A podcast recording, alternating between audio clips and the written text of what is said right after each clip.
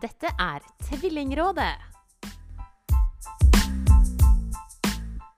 Hei og velkommen til Tvillingrådet. Jeg heter Siri Sjøgren Selmer, og jeg er deres podkastvert. Juhu!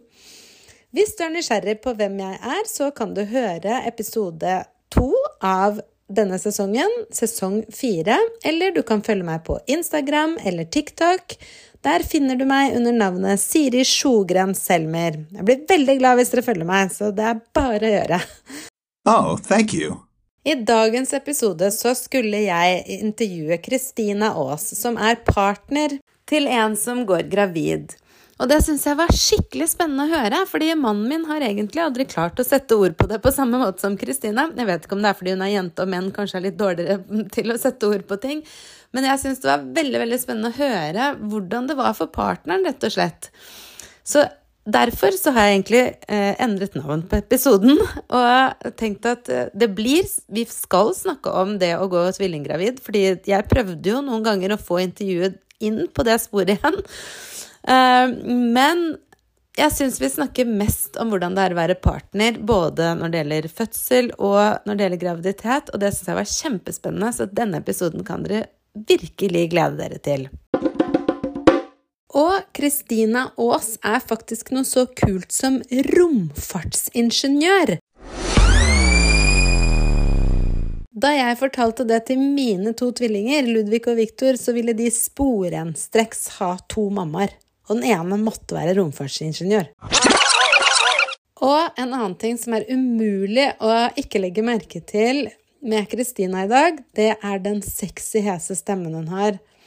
Men jeg må nok skuffe dere og si at den har hun ikke hver dag.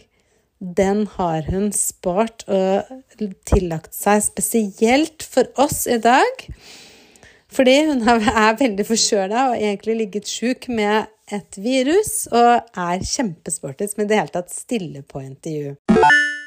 Til sist igjen så må jeg bare be dere om å ha litt tålmodighet med meg. Denne gangen har jeg fått til lyden. Det jeg har vært litt dårligere på, det er redigeringa eh, og klippene. Så hvis det er litt sånne rare overganger, så husk at dette er tredje gangen jeg er på en podkast. Tredje gangen jeg hører på en podkast, og andre gangen jeg har vært for en podkast. Og min plan har jo også vært at jeg skal fortelle litt om uh, min egen erfaring uh, til det temaet jeg skal ta opp i podkasten først. Men jeg har jo aldri vært partner til en gravid, uh, fordi jeg er sammen med en mann. Og det gjelder jo sikkert de fleste av oss, så vi har ikke den samme personlige erfaringen som det Kristine har. Hun har både vært gravid og vært partner til en gravid. Så det blir veldig spennende å høre om. Nå er jeg på vei til Kristine Aas og hennes kone, og vi skal snakke om hvordan det er å gå gravid med to kontra én. Og de har jo begge to vært gravide. Det syns jeg er litt kult. At man er et par og, begge har vært gravide, liksom. Det er jo litt sånn ukjent for meg, for det er jo alltid jeg som er gravid, for jeg er jo sammen med en mann. Så det gleder jeg meg til å høre hvordan det har vært liksom å være både medmor når den andre er gravid, og, og gå gravid selv.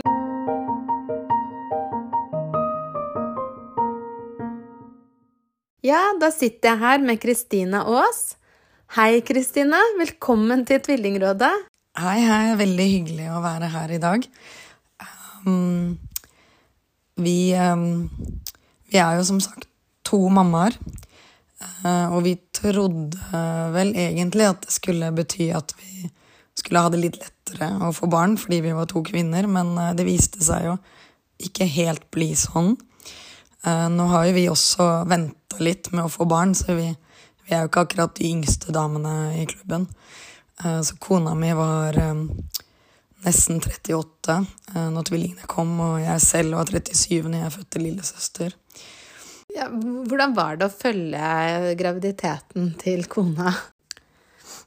Ja, jeg er jo sånn kontrollperson, jeg, da. Så jeg liker å ha kontroll på ting. Og noe av det vanskeligste for meg, det var at dette var ikke inni min kropp, så jeg hadde ingen følelse på hvordan det gikk. Og så var det heller ikke noe jeg kunne se jeg, jeg ønsket meg egentlig et, et vindu på magen, sånn at jeg kunne se inn. Eller daglig røntgen, eller et eller annet. Um, nå ligger det jo litt i, i forhistorien på hvorfor jeg hadde, hadde såpass behov for å følge med på hvordan de hadde det. Um, fordi um, kona mi har jo lavt stoffskifte, og det har vi funnet ut i ettertid at det er veldig dårlig fulgt opp i Norge i forhold til hva det burde være.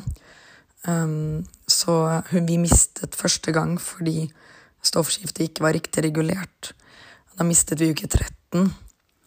Um, og det, det, var en ufattelig uh, røff opplevelse for oss begge, og en veldig, veldig stor sorg å gå gjennom. Uh, da hadde vi, vi hadde kommet så langt at vi trodde det var trygt. Og vi hadde for så vidt sett um, det, det, de mente var en jente, da, på ultralyd samme dag som vi mistet. Så det ja, det kom veldig overraskende på oss, og i ettertid så så vi på blodprøvene at det mest sannsynlig var stoffskifte, for det var helt, helt ute å kjøre. Hvorfor mister man da? Um, Eller vet du det? ja, det er et godt spørsmål. Det blir vel en autoimmun reaksjon, tror jeg, i kroppen, for stoffskiftet regulerer veldig mye. Det er som nervesystemet. Det er et helkroppslig system som har veldig mange uh, implikasjoner. Da. Så det er derfor det er så viktig å ha, det, ha kontroll på det, både lavt og høyt. Eh, men nøyaktig hvorfor det er jeg litt usikker på, men det blir en sånn slags autoimmun reaksjon. Mm. og så mistet vi enda en gang. Um, da i uke seks, så da var det litt mer den vanlige spontanaborten, da. Men etter det, når vi da endelig var gravide med tvillinger Så for det første så, så ble jo det litt magisk, fordi den dagen vi fant ut at vi var gravide med tvillinger, så husker jeg at jeg gikk nedover bakken ved der vi bodde. Det var mørkt, uh, og så hadde jeg aldri sett stjerneskudd i mitt liv. Men akkurat den kvelden så så jeg to stjerneskudd samtidig. Og da føltes det veldig som at jeg så de to sjelene komme ned til oss. Og så tenkte vi liksom følt på det begge to, at nå fikk vi tilbake de to vi mistet. da. Ja, Så det var liksom meningen at vi skulle få tvillinger. Det var fint. Men du, er en romrakettforsker som aldri har sett stjerneskudd. Ja, jeg vet. Det er, det er helt Det er i hvert fall meningen, da. Ja. Enda, enda mer. Virkelig. Um, Det var veldig fin Det må nesten skrive en historie om det der. Det var så fint. jeg har faktisk tenkt tanken, fordi hobbyen min er å skrive fiksjon. Jeg bare har pausa det nå med tre små barn eh, på litt udefinert tid. Men, Ja, men jeg skal tilbake til bokskrivingen, for det gir meg veldig mye glede. Men da var dere selvfølgelig veldig redde for eh, å miste igjen, da, og sikkert litt utover òg, for det er man jo når man går gravid med tvillinger. Det er jo helt annerledes enn med Eller altså man er i hvert fall, i hvert fall var jeg mye mer redd for at noe skulle skje. Vi, vi var det. Vi, vi fikk jo relativt god oppfølging.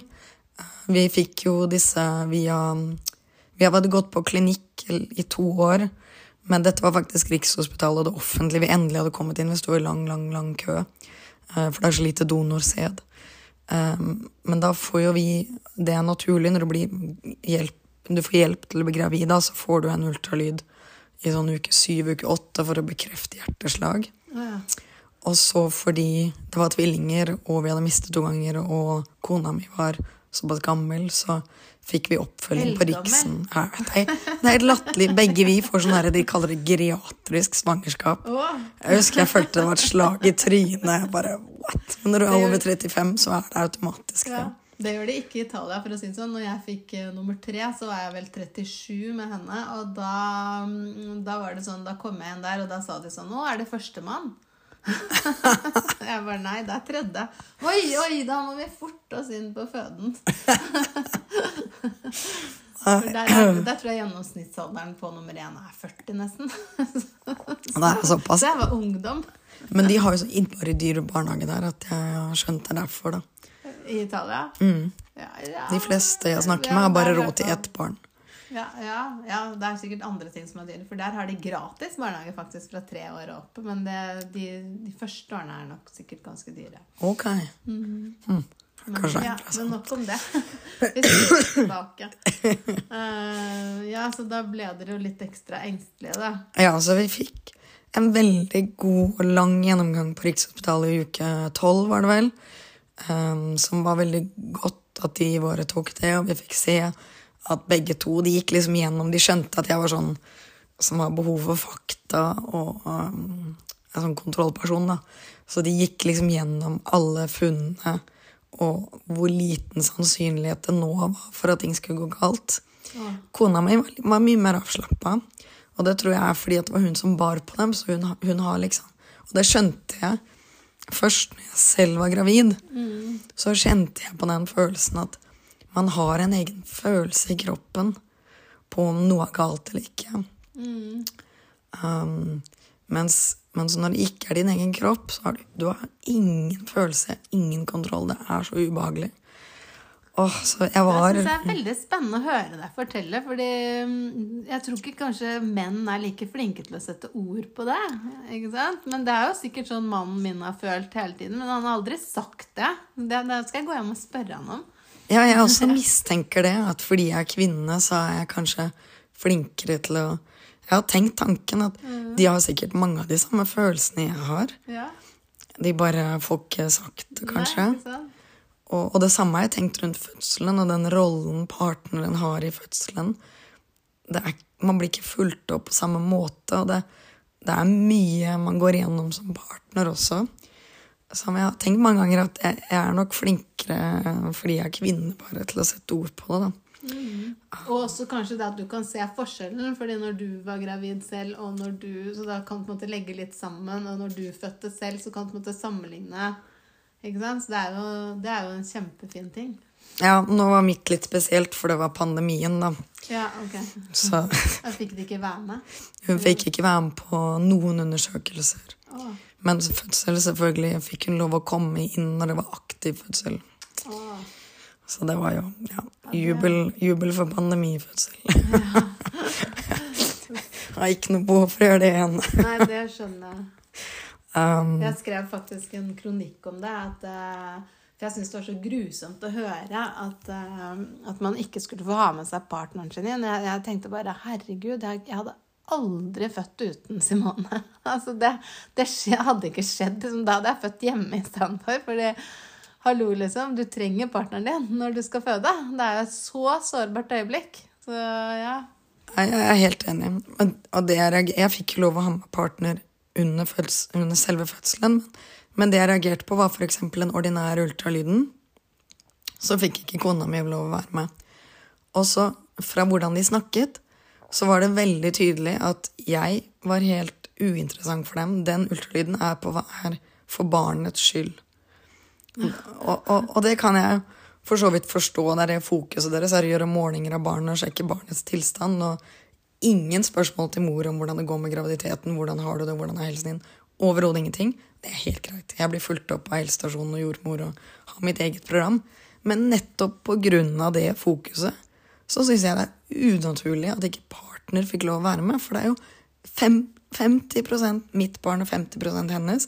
Eneste, eneste forskjellen er at barnet var inni magen min, så jeg fysisk må være med barnet når det barnet skal undersøkes. Men ellers er det jo ingen forskjell på oss to. Så jeg husker jeg ble skikkelig sint for at hun ikke fikk lov å være med på ordinær ultralyd, for det er like viktig for henne som det er for meg. Så jeg syns samfunnet gjorde veldig mye feil under pandemien på akkurat det der. For den, de ultralydende undersøkelsene var jo Det hjalp jo mye å knytte meg til tvillingene, f.eks. Det at vi fikk være med likt hele veien. Og jeg var jo såpass Da hadde ikke vi barn, for det var våre første. Og jeg var daglig leder, så jeg kunne jo styre min egen tidsbruk uh, litt. Så jeg var jo med på jordmor på helsestasjonen-timer også. Ja. Så jeg bare var med på alt jeg kunne være med på. For jeg tenkte at vi får ikke, vi får ikke så mange graviditeter. Uh, så her må jeg få med meg det jeg kan få med meg. Og det har jeg satt veldig pris på i etter, etterkant, men da var jeg veldig Følte jeg kjente det på en måte før de kom. Da var jeg veldig engasjert. Um,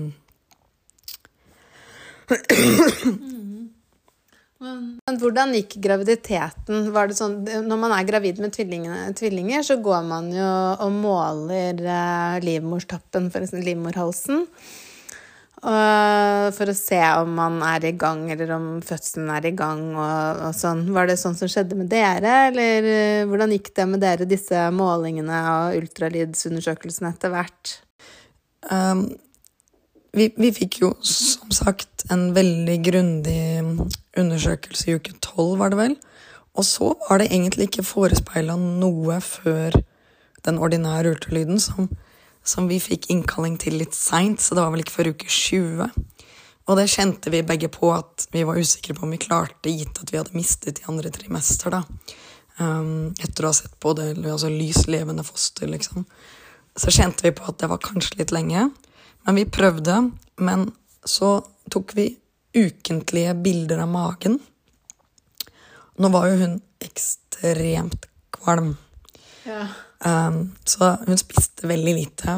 Uh, veldig rare ting også. Jeg husker hun hadde en hel uke hvor hun spiste erter, ris og ost. Og kjøtt. Det var jo helt uaktuelt, så jeg husker jeg måtte kjøpe meg sånn kjøttkake på Meny. Og så maule den superkjapt, og så kjøre på med munnvann og tyggis. Og hun hadde jo sånn ekstrem luktesans òg. Så hun satt inne i stua helt innerst i leiligheten. Jeg kom inn døra i gangen, så hører jeg bare et hyl fra stua. Å, du stinker ute! Så måtte jeg inn og ta en sånn fast rutine. Bytte alle klærne mine. Vaske hele huden med, med våtserviett. Tørr sjampo, munnskyld. Så kunne jeg gå inn i stua. Så det, ja. Vi prøvde en gang at jeg kjøpte meg takeaway indisk, for jeg hadde så utrolig lyst på det. Det ble med den ene gangen. Så, men eh, Så da så vi, var det vel uke 16, at det så ut som magen krympa. Og da fikk vi panikk på disse ukentlige bildene. Så da gikk vi til privat uh, ultralyd igjen. Fordi det offentlige bryr seg jo egentlig ikke før du er på en måte levedyktig, omtrent. Føles det som, da. Så vi har jo virkelig opplevd, føler vi da, hvordan helsevesenet behandler gravide. Men, uh, men da var alt i orden, heldigvis. Og da fikk vi enda en gang bekreftet at dette ser ut som gutt og jente. Så, men jeg husker hver eneste ultralyd så var det alltid det første vi begge hadde behov for, det var bare å få høre de hjerteslagene. Bare er de i live? Og det vedvarte helt til forbi fødsel, egentlig. Altså, vi, fordi vi hadde mistet to ganger, så var det å bare få vite at de levde, det, det var så ekstremt viktig. Um, så gikk vi jo til ordinær ultralyd, alt så fint ut da, og alt fabelaktig, og så var vi vel i uke 22. Og da var det en i Vi er jo medlem av samme Facebook-gruppe for tvillinggravide. Og da var det, husker jeg, en i gruppa vår som var nest- Hun var én uke foran oss. Som gikk i tidlig fødsel og mistet den ene. Og jeg tror to dager etter eller én dag etter så opplevde vi blod. Oi. Og vi fikk helt panikk og kom inn på syk på Riksen, da. Eh, Og var livredde. Eh, Og da syns jeg de brukte så himla lang tid på å bekrefte de hjerteslagene. Og det var, bare, det var sikkert bare noen sekunder, men de sekundene var så utrolig lange. Men igjen, alt var helt fint, og de, de skjønte aldri hvorfor. Og det kom med der, ja, men noen ganger bare skjer det. Eh, Men det satte litt støkken i oss. Altså vi var Jeg tror deretter så var vi liksom enda mer på tå hev hele svangerskapet. Men målte dere ikke De målte livmorhalsen, den var lang og fin. Det var liksom ingen tegn på noe som helst. Barna hadde det bra, så de skjønte ingenting. Um, nei. sånn Men jeg tror på grunn av det så fikk vi vel komme inn en gang i måneden, tror jeg, etter det. Um, og da gikk jo kvalmen over i uke 24. Så da tenkte vi at å, nå, nå får vi prøve å liksom nyte svangerskapet litt, da. Og så gikk det vel, jeg tror, eh, fire uker, ja. Og så kom bekkenløsningen. Og da var det slutt på bevegeligheten. og så husker jeg vi hadde en eh, date. Var det vel uke 30 eller uke 29 eller sånn. Uh, og så husker jeg vi satt en kveld, og så var jeg innstilt på at nå snart så, så må jeg være helt edru hele tiden. For jeg elsker egentlig et glass rødvin på kvelden. Så jeg husker jeg, tok liksom det siste slanten av rødvinen, og så sa jeg til kona mi nå, nå dette, this, this is it, nå er det ikke noe mer rødvin. Jeg lurer også, på om, eh, om det også er noe sånn kvinnegreier. At, at man skjønner det som jente bedre enn menn. Ja. For at eh, det har i hvert fall jeg måttet Jeg har jo ett barn med én Altså ett fra før av, så har jeg fem barn med Simone. Og det må jeg måttet liksom insistere litt på med han første, og, og litt med Simone også, altså.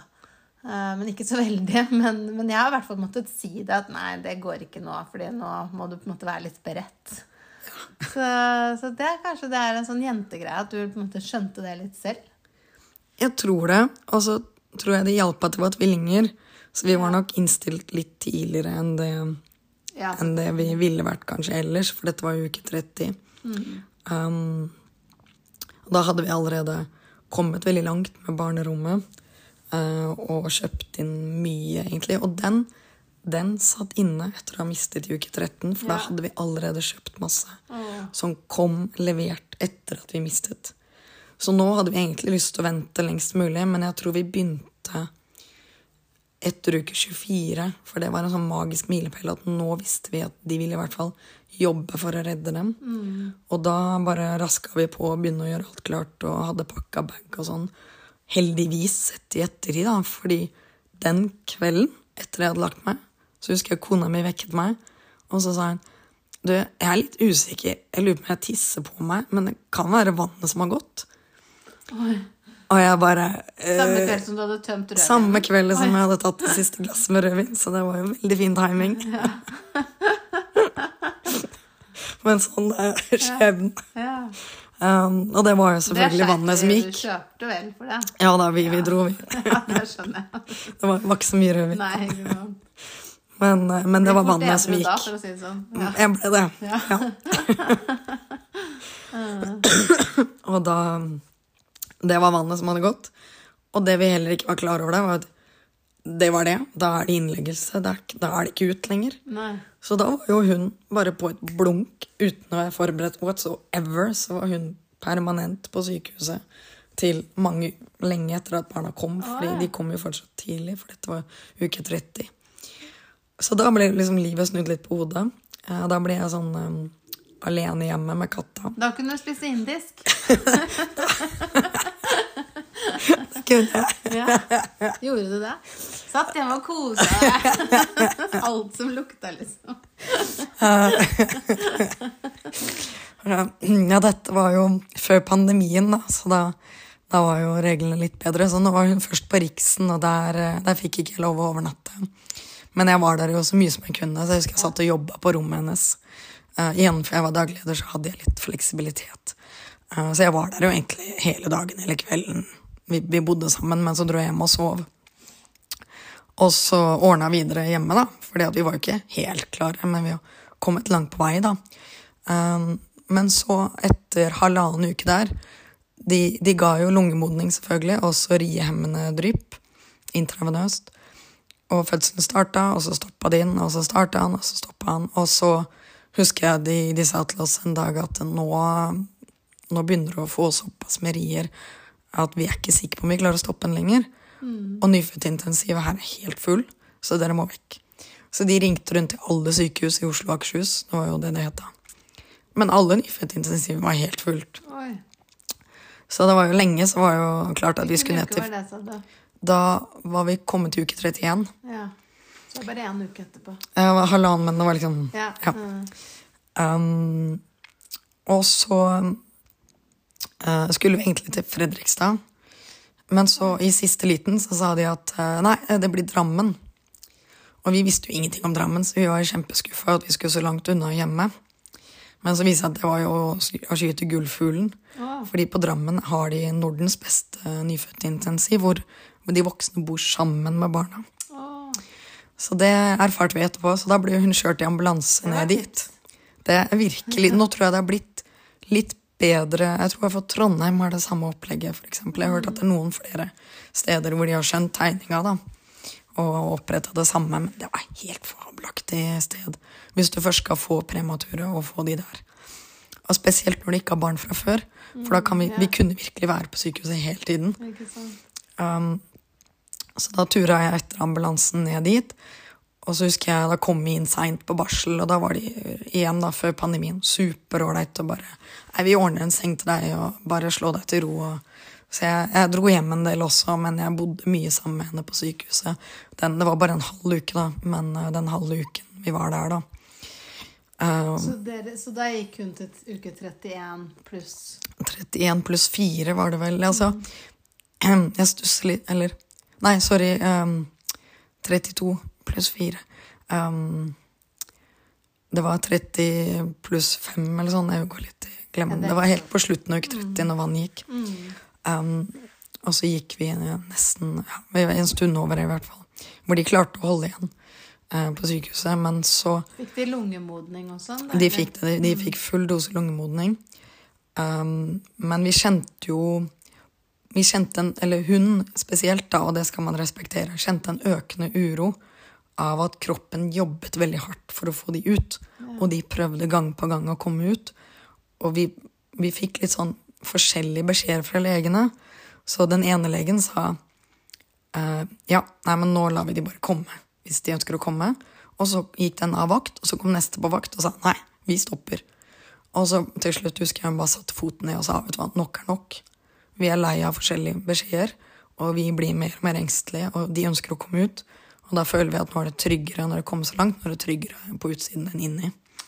Litt den der også, den, at vi var veldig, veldig redd for at vi skulle miste de når de var inni magen. Sånn. Eh, så den husker jeg hadde vært hjemme, og vi hadde begge en følelse at nå var det ikke så lenge igjen. i hvert fall. Så jeg dro hjem til Oslo, leverte katta til svigers og ordna noe greier i leiligheten. Og kom tilbake. Og da møtte vi um, et annet eh, par fra samme Facebook-gruppa som vi også hadde gått på tvillingforberedende kurs, som hadde født. Så vi hadde møtt de på Riksen, og da møtte jeg de tilfeldigvis. Da hadde de kommet til nyfødtintensivet på Drammen. Uh, så da fikk jeg bli med de opp. Jeg skulle hjelpe de med bagasjen. Så det var sånn symbolsk den kvelden. Så ble jeg med de opp på nyfødtintensiven og fikk se der. Og så gikk jeg ned til rommet til kona, og da møtte jeg hun på vei ut fra do, hvor hun bare Nå har jeg hatt en eksplosjon av blod i trusa. Oi. Og jeg bare Hva gjør jeg nå? Og så så jeg at hun bare hadde masse rier. Hun hadde hatt rier hele dagen. Men da begynte de å ta seg opp skikkelig. Og så er hun en sånn person som skjuler smerte veldig. Og hun tar det- Du kan nesten ikke se på henne at hun har vondt. Så jeg reagerte litt på at liksom Eller jeg hadde lyst til å liksom si til helsepersonellet at dere må virkelig ta det her på alvor, da. For hun er ikke sånn som sier ifra. Så de, de var nokså rolige enn så lenge, og vi liksom sa fra at nå må dere komme, nå skjer det et eller annet. Og de, de hadde I ettertid så erfarte vi fra hun som tok imot, at hun hadde jobbet der 16 år og hadde aldri opplevd en så hektisk natt som den natten vi fødte. Oi. Og det var jo selvfølgelig fullmåne, jeg vet ikke om det har noe med smaken å gjøre, men vi velger å tro det. Ja. Eh, Så vi skjønner jo litt av hvorfor de ikke fulgte henne opp, da. Men, men vi kjente litt på at eh, hun, hun lå jo og rista. Det er jo litt rart, fordi når man er gravid med tvillinger, så pleier de å, å følge opp enda mer. Og I Ja. i, i, min, eh, i, I mitt tilfelle så var det jo kjempe Altså, jeg måtte jo nesten sparke dem ut, for jeg ville ha jordmorstyrt fødsel. Det skal jeg snakke om i en annen podkast, men, eh, men der var det sånn at jeg opplevde helt motsatt, at, og at de var veldig sånn redde og på, på i forhold til fødselen når det skulle være to da som kom.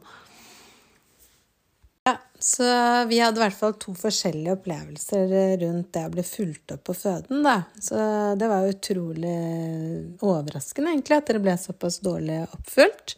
Hva var det som skjedde etter det, sånn utover? Kort fortalt så kom det til slutt en jordmor. Um, og jeg kommer aldri til å glemme det blikket hennes når hun først veldig sånn avslappet og bare ja, ja, la oss se hva som skjer her, da. Og så sprer beina på kona mi og titter inn, og så snur hun seg sånn helt sjokkert og bare Her er jo et hode på vei ut.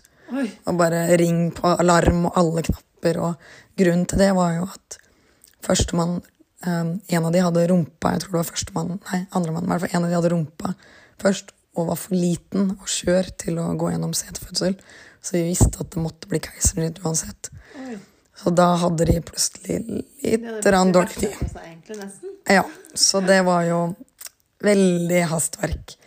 Og det var kaos egentlig fram til vi kom til operasjonssalen. Da husker jeg at jeg ble Jeg må bare si det. Jeg var så ekstremt imponert av de folka der oppe. For dette, altså Det hadde vært bare løping og herjing i alle retninger, og alle var megastressa. Så kom vi inn der, så var det bare som sånn derre synkronisert orkester. Så jeg tror det var fem personer som gjorde noe på kona mi likt. De satte inn bak ryggen hennes bedøvelse, og de satte på armen noe blodgreier, og de tok noe blodprøve på andre armen, og de snakka med henne, og de ordna og styra. Alt skjedde helt likt. Alle var ekstremt rolige og snakka med sånn rolig og forsiktig stemme, og jeg bare følte det hadde verdens beste tid. Jeg bare wow! Så det, all honnør til det, altså. Um, og så snakke om litt sånn, Vi har snakka litt om skjebnen og sånn. Den legen som satte inn um, Det var jo bare CD, for det var ikke IVF. Han var den samme som var der og tok dem ut. Oi. Og han jobbet ikke der engang, han jobbet på Riksen, men han hadde sånn ekstraskift i Drammen akkurat den kvelden. Eller den natten, da. Så det var veldig tilfeldig. Eller Eller skjebnebestemt. uh, og så, siden vi ikke skal ta fødselen, så kommer jeg ikke til å si så veldig mye detaljer, men i perspektivet av denne podkasten, det å være kvinnelig medmor uh, Jeg satt igjen med et kjempebehov for å bearbeide fødselen, for det var en, en nokså dramatisk fødsel. Og jeg følte den veldig på kroppen. Jeg fikk med meg absolutt alt som skjedde. Nå var dette før pandemien, så jeg fikk være med på alle steg av prosessen også. Mens kona mi, som lå der, hun var jo høy på adrenalin og under diverse bedøvelser og, og lå egentlig bare og rista og hadde nok med seg selv. Hun fikk jo ikke med seg noen ting, så for henne var dette en veldig sånn ja, ja, det var en fødsel som gikk som det gikk. Mens jeg har liksom bare hatt sånn kjempebehov for å bearbeide den i ettertid. Bare ah, shit, altså. Ja, For du var redd for å miste både henne og dem og Ja, ja, ja. alt sammen ja. Det, det var eh, Men det kom nå ut to til slutt som, eh, som levde. Eh, Vi fikk bekrefta det etter hvert. Um, og da kom Det har jeg sett i dag, og de lever i beste velgående.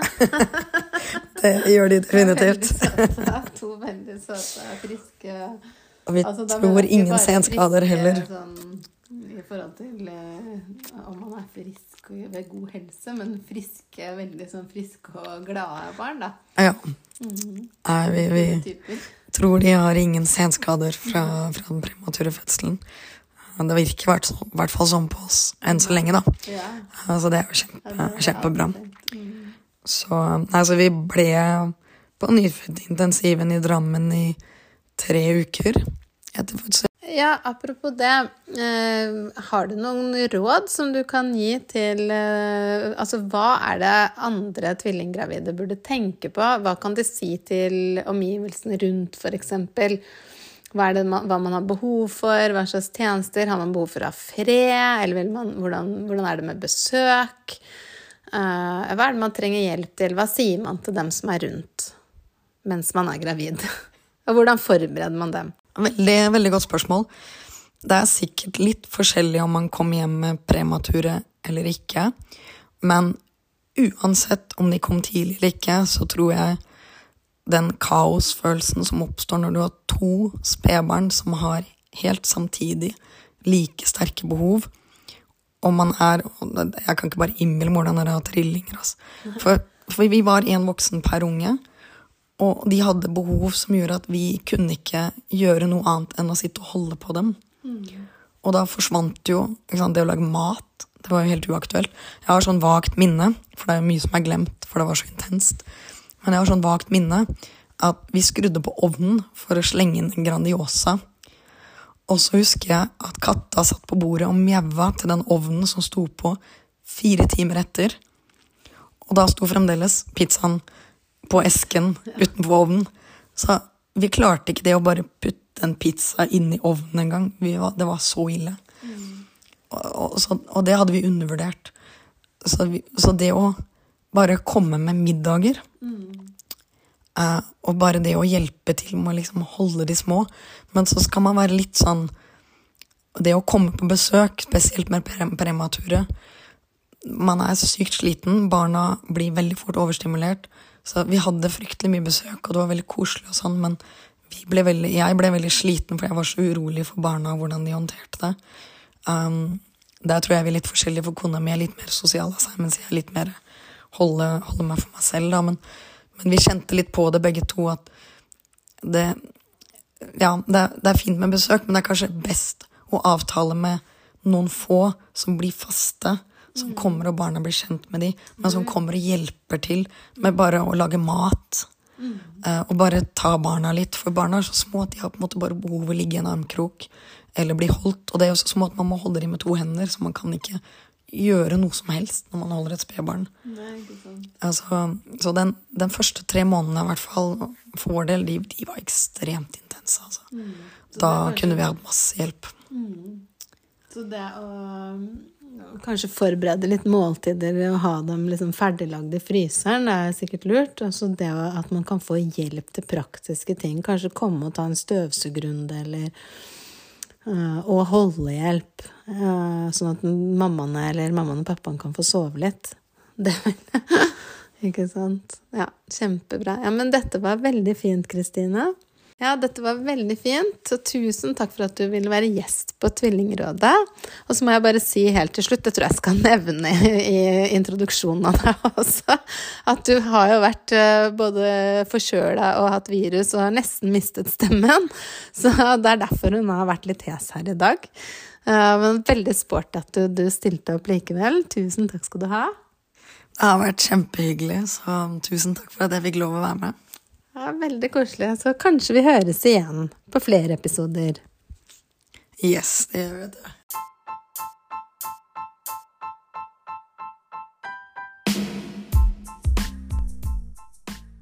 Du hørte på Tvillingrådet.